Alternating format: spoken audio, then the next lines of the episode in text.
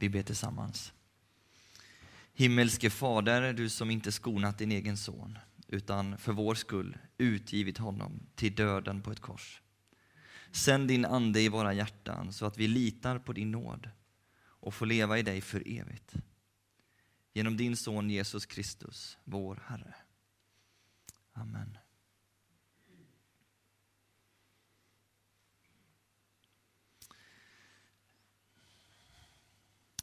I en eh, sång som jag gillar och som jag ibland har lyssnat på just den här dagen så eh, står det så här i refrängen. Men du dog ensam och fördömd. En korsfäst Gud i gravens mörker gömd. Som en ros bryts och trampas ner. Du tog min plats, älskade mig högst av allt. Idag står det fem rosor på altarbordet. Och de är en symbol för de fem sår som Jesus fick i korshändelsen. Och de vittnar för mig om en oerhörd kärlek. För ofta är det ju så att när någon är beredd att offra sig, lida till och med, eller utstå någonting som är tufft och svårt för en person, det är då som kärleken märks. Det är då som man förstår att det här är en kärlek som är verklig och som går att ta på och som betyder någonting på riktigt för den som ger den. När eh, min, eh, mitt första barn Josef var liten, bebis, så var han väldigt trygghetstörstande. Han eh, kunde inte somna i en vagn, han kunde inte somna i en säng, utan han skulle somna i famnen. Så var det bara, de första månaderna. Det gjorde att vi gick runt med honom, hemma, i olika rum för att få honom att somna. Och det kunde ibland ta både en halvtimme, en timme eller en och en halv timme. Och på kvällarna när han skulle somna för natten så minns jag att jag stod i ett mörkt rum, i hans rum där han hade sin spjälsäng och, och vaggade honom så här.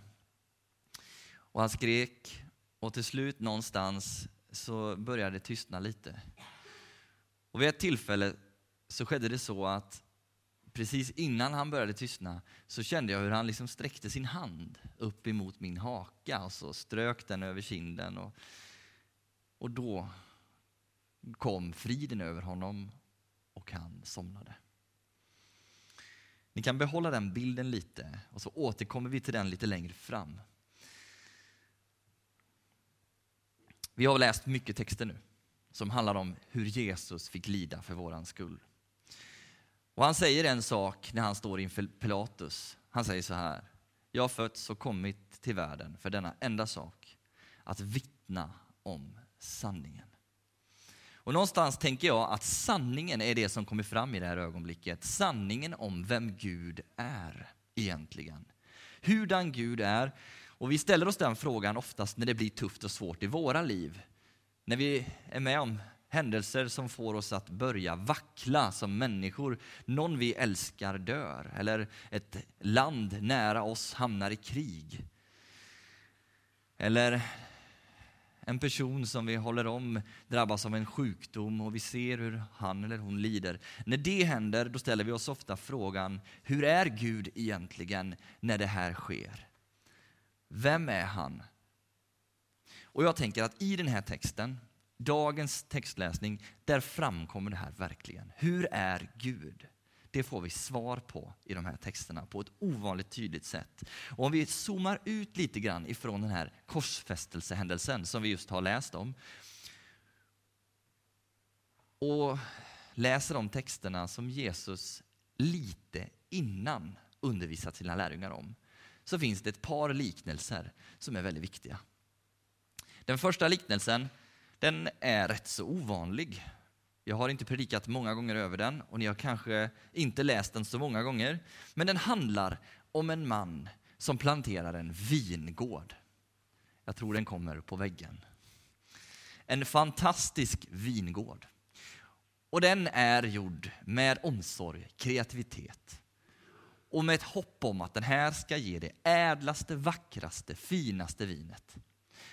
Och när vingårdsägaren reser därifrån och arrenderar ut gården till några stycken personer som då ska driva den, vilket man ofta gjorde på den tiden, så hoppas han såklart få tillbaks en del av det som rättmätigen tillhör honom av vinsten.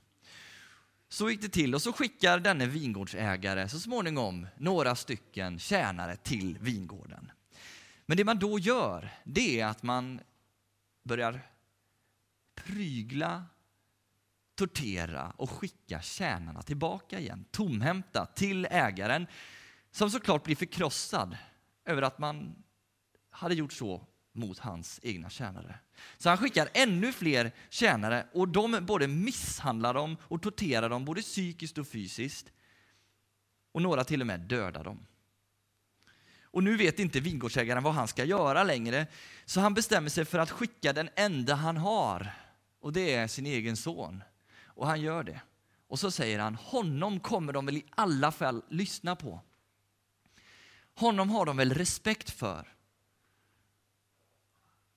Då tänker arrendatorerna följande. Här kommer arvtagaren. Om vi dödar honom så faller arvet på oss och vi får hela vinsten. Och det sker så. De pryglar honom, hånar honom och dödar honom i liknelsen. Den som har läst Gamla testamentet vet att det här också är en bild som finns där. Det finns en snarlik berättelse från, från profetian, profeten Jesaja som handlar nästan om exakt samma sak. Och den ska vi läsa tillsammans nu. Jesaja 5, 1-2, den kommer också på väggen. Jag vill sjunga en sång om min älskade vän, en sång om min vän och hans vingård.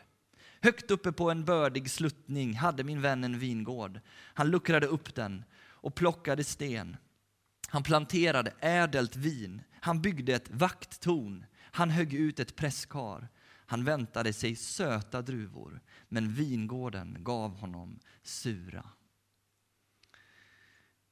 Det Jesus har berättat, den anledningen till att Jesus berättar den här liknelsen har att göra med den här dagens händelser.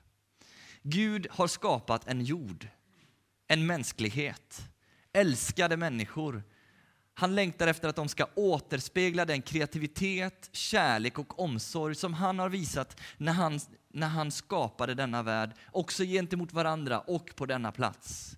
Det är hans förhoppning.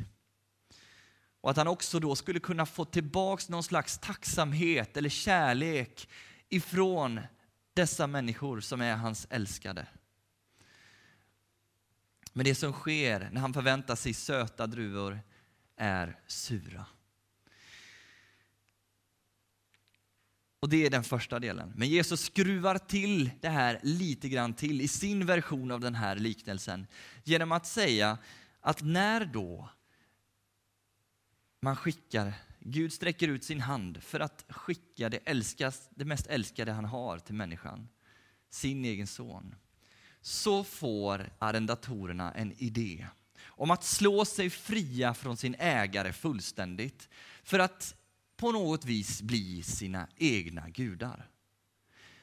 En återupprepning av syndafallets berättelse om Adam och Eva egentligen, som, in, som hade fått allt, men som ville ha mer. Som ville bli sina egna gudar. Och när man tänker på vad som sker här så är det ju egentligen en av de sjukaste händelserna genom hela världshistorien.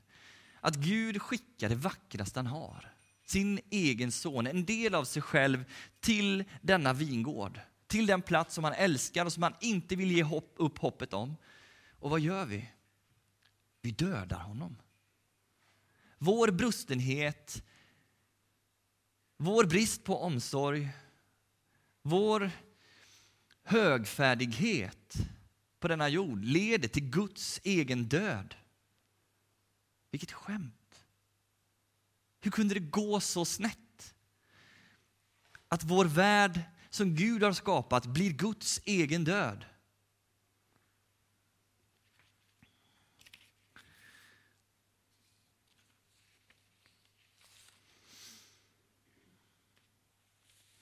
Och egentligen är det inte så svårt att känna igen sig i smärtan som Gud måste ha känt. För många av oss här inne är föräldrar. Tänk dig att du har gett allt du har till ett barn som du älskar mer än någonting annat.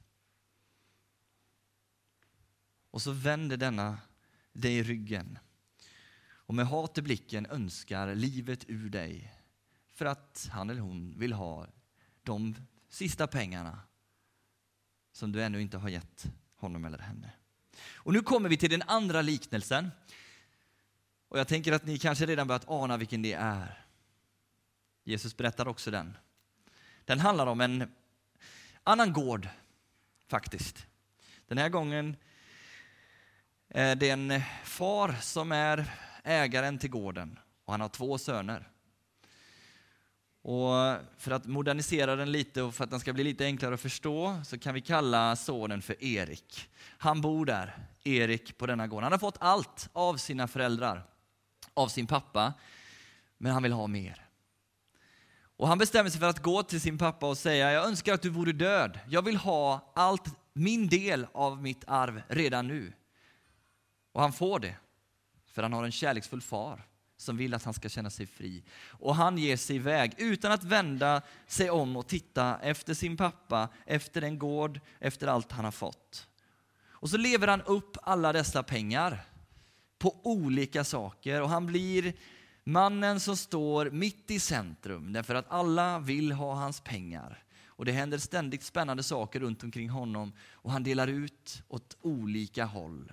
Men så en dag tar pengarna slut. Och så blir han ensam kvar. Alla överger honom. Han sitter kvar och han sitter, finner sig själv sittande på en gård där han tar hand om svinen och hoppas att han ska få någonting att äta av det som ägaren ger åt grisarna. Men han får ingenting. Och plötsligt förstår han vad det är han har gjort. Han har vänt ryggen mot sin egen far. Han har önskat livet ur honom och dratt därifrån. Och han börjar formulera en bekännelse. En syndabekännelse som låter ungefär Far.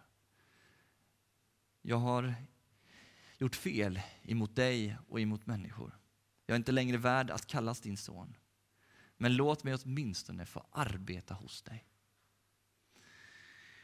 Och han bestämmer sig där och då för att ge sig hem, av hemåt. Och han tar den långa vägen hela vägen hem och så hamnar han till slut på busshållplatsen där.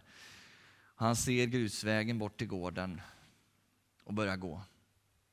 Och hemma på gården så har pappan dag efter dag mitt i sina sysslor emellanåt gått och ställt sig och spanat ut mot gården.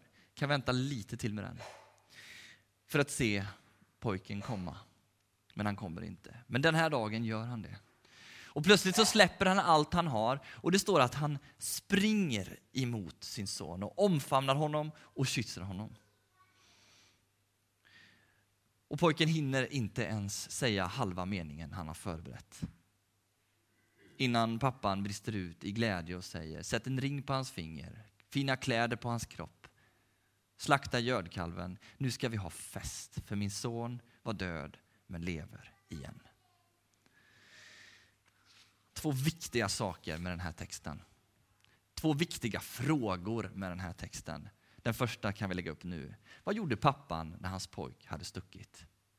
Jo, han längtade och väntade. Religion brukar vi ibland säga att det handlar om människans sökande efter Gud. Men Bibeln menar egentligen tvärtom. Det handlar om Guds sökande och längtan efter människan. Det är Gud som längtar. Vi har inte alltid varit tacksamma för allt det vi har fått. Också du och jag kommer på oss själva med att roffa åt oss saker som inte är vårt. Och vi har ibland handlat som om Gud vore död i våra liv. Vi är också en del av allt detta. Men Gud, han längtar alltid efter att människan ska komma tillbaks till honom vända sig om, för det är det omvändelse handlar om. Och se och leva nära honom. Gud längtar efter människan oavsett vad hon har gjort. Den andra frågan, vem betalar skulden?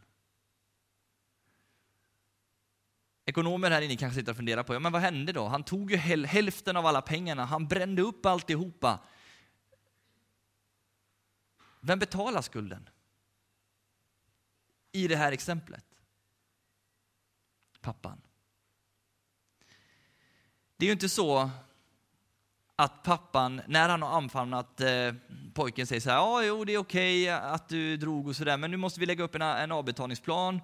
Eh, vi ska ha första betalningen på måndag och sen får du betala lite grann till nästa vecka på måndag och så ska vi se att vi får in alla de här pengarna så småningom. Det löser sig min grabb.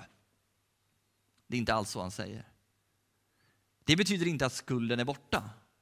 Det betyder bara att pojken, Erik, behövde inte betala den.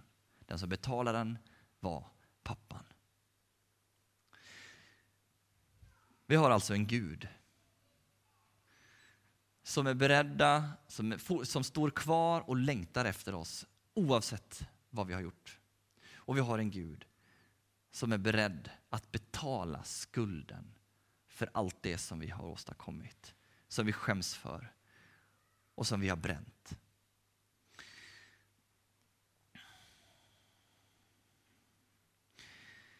När eh, Jesus hänger på korset så säger han så här, innan han ger upp andetaget. Det är fullbordat. Vad är det som är fullbordat egentligen? Svaret får vi i de andra tre evangelierna, där det väldigt tydligt beskrivs att jorden skälver och förhänget som sitter längst in i templet brister uppifrån och ända ner.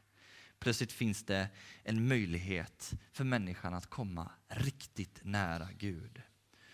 Och för den som söker på försoning, ordet försoning, så står det så här, en formulering, definition är att återskapa ett gott eller vänskapligt förhållande. Det handlar alltså om att någonting har brustit, någonting har spruckit, något har gått sönder. Någonting skiljer oss ifrån den andra parten. Det som är fullbordat är att den klyftan nu är borta. Därför skulden är betald och Gud har omfamnat oss i sin stora kärlek. Och hur kan Gud göra så? När vi har dödat, slagit, förnedrat honom här på jorden. Och jag tror att det har att göra med hans oerhörda kärlek som visar sitt rätta ansikte just i dagens texter. Om vi går tillbaka till bilden av, av mig som pappa med mitt barn i famnen. Så var det så att i det ögonblicket när Josef strök sin hand över min kind så gick det en rysning igenom mig. En rysning därför att min son visar en uns av kärlek tillbaks till mig. Det är inte mycket jämförelse med alla gånger som man har fått gå och försöka lägga, trösta, alla timmar man lägger för att försöka få ett barn att bli tryggt, somna gott och få mat i magen och blöjorna bytta. Långt ifrån. Men en liten, liten kärlek betyder allt för en far eller en mor. Så är det också för Gud. Därför står han och spejar efter oss. Därför är han beredd att förlåta oss allt. Därför Gud är en kärleksfull Gud. Oerhörd i sin kärlek till oss. Och det är just den här dagen som det blir extra tydligt. Han är beredd att offra allt. Han var beredd att dö. Han blev tyst trots att han hånades. Allt detta för din skull. För att du skulle få leva. Himmelske Fader, vi vill tacka dig för den här dagens stora budskap. Vi vill tacka dig för att du led och dog, var beredd att offra dig för oss.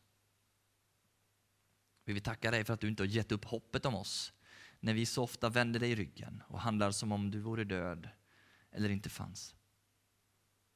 Och vi vill tacka dig Gud för att vi är välkomna tillbaka in i din stora famn. och för att du vill vara våran Gud och leva nära oss. I Jesu namn. Amen.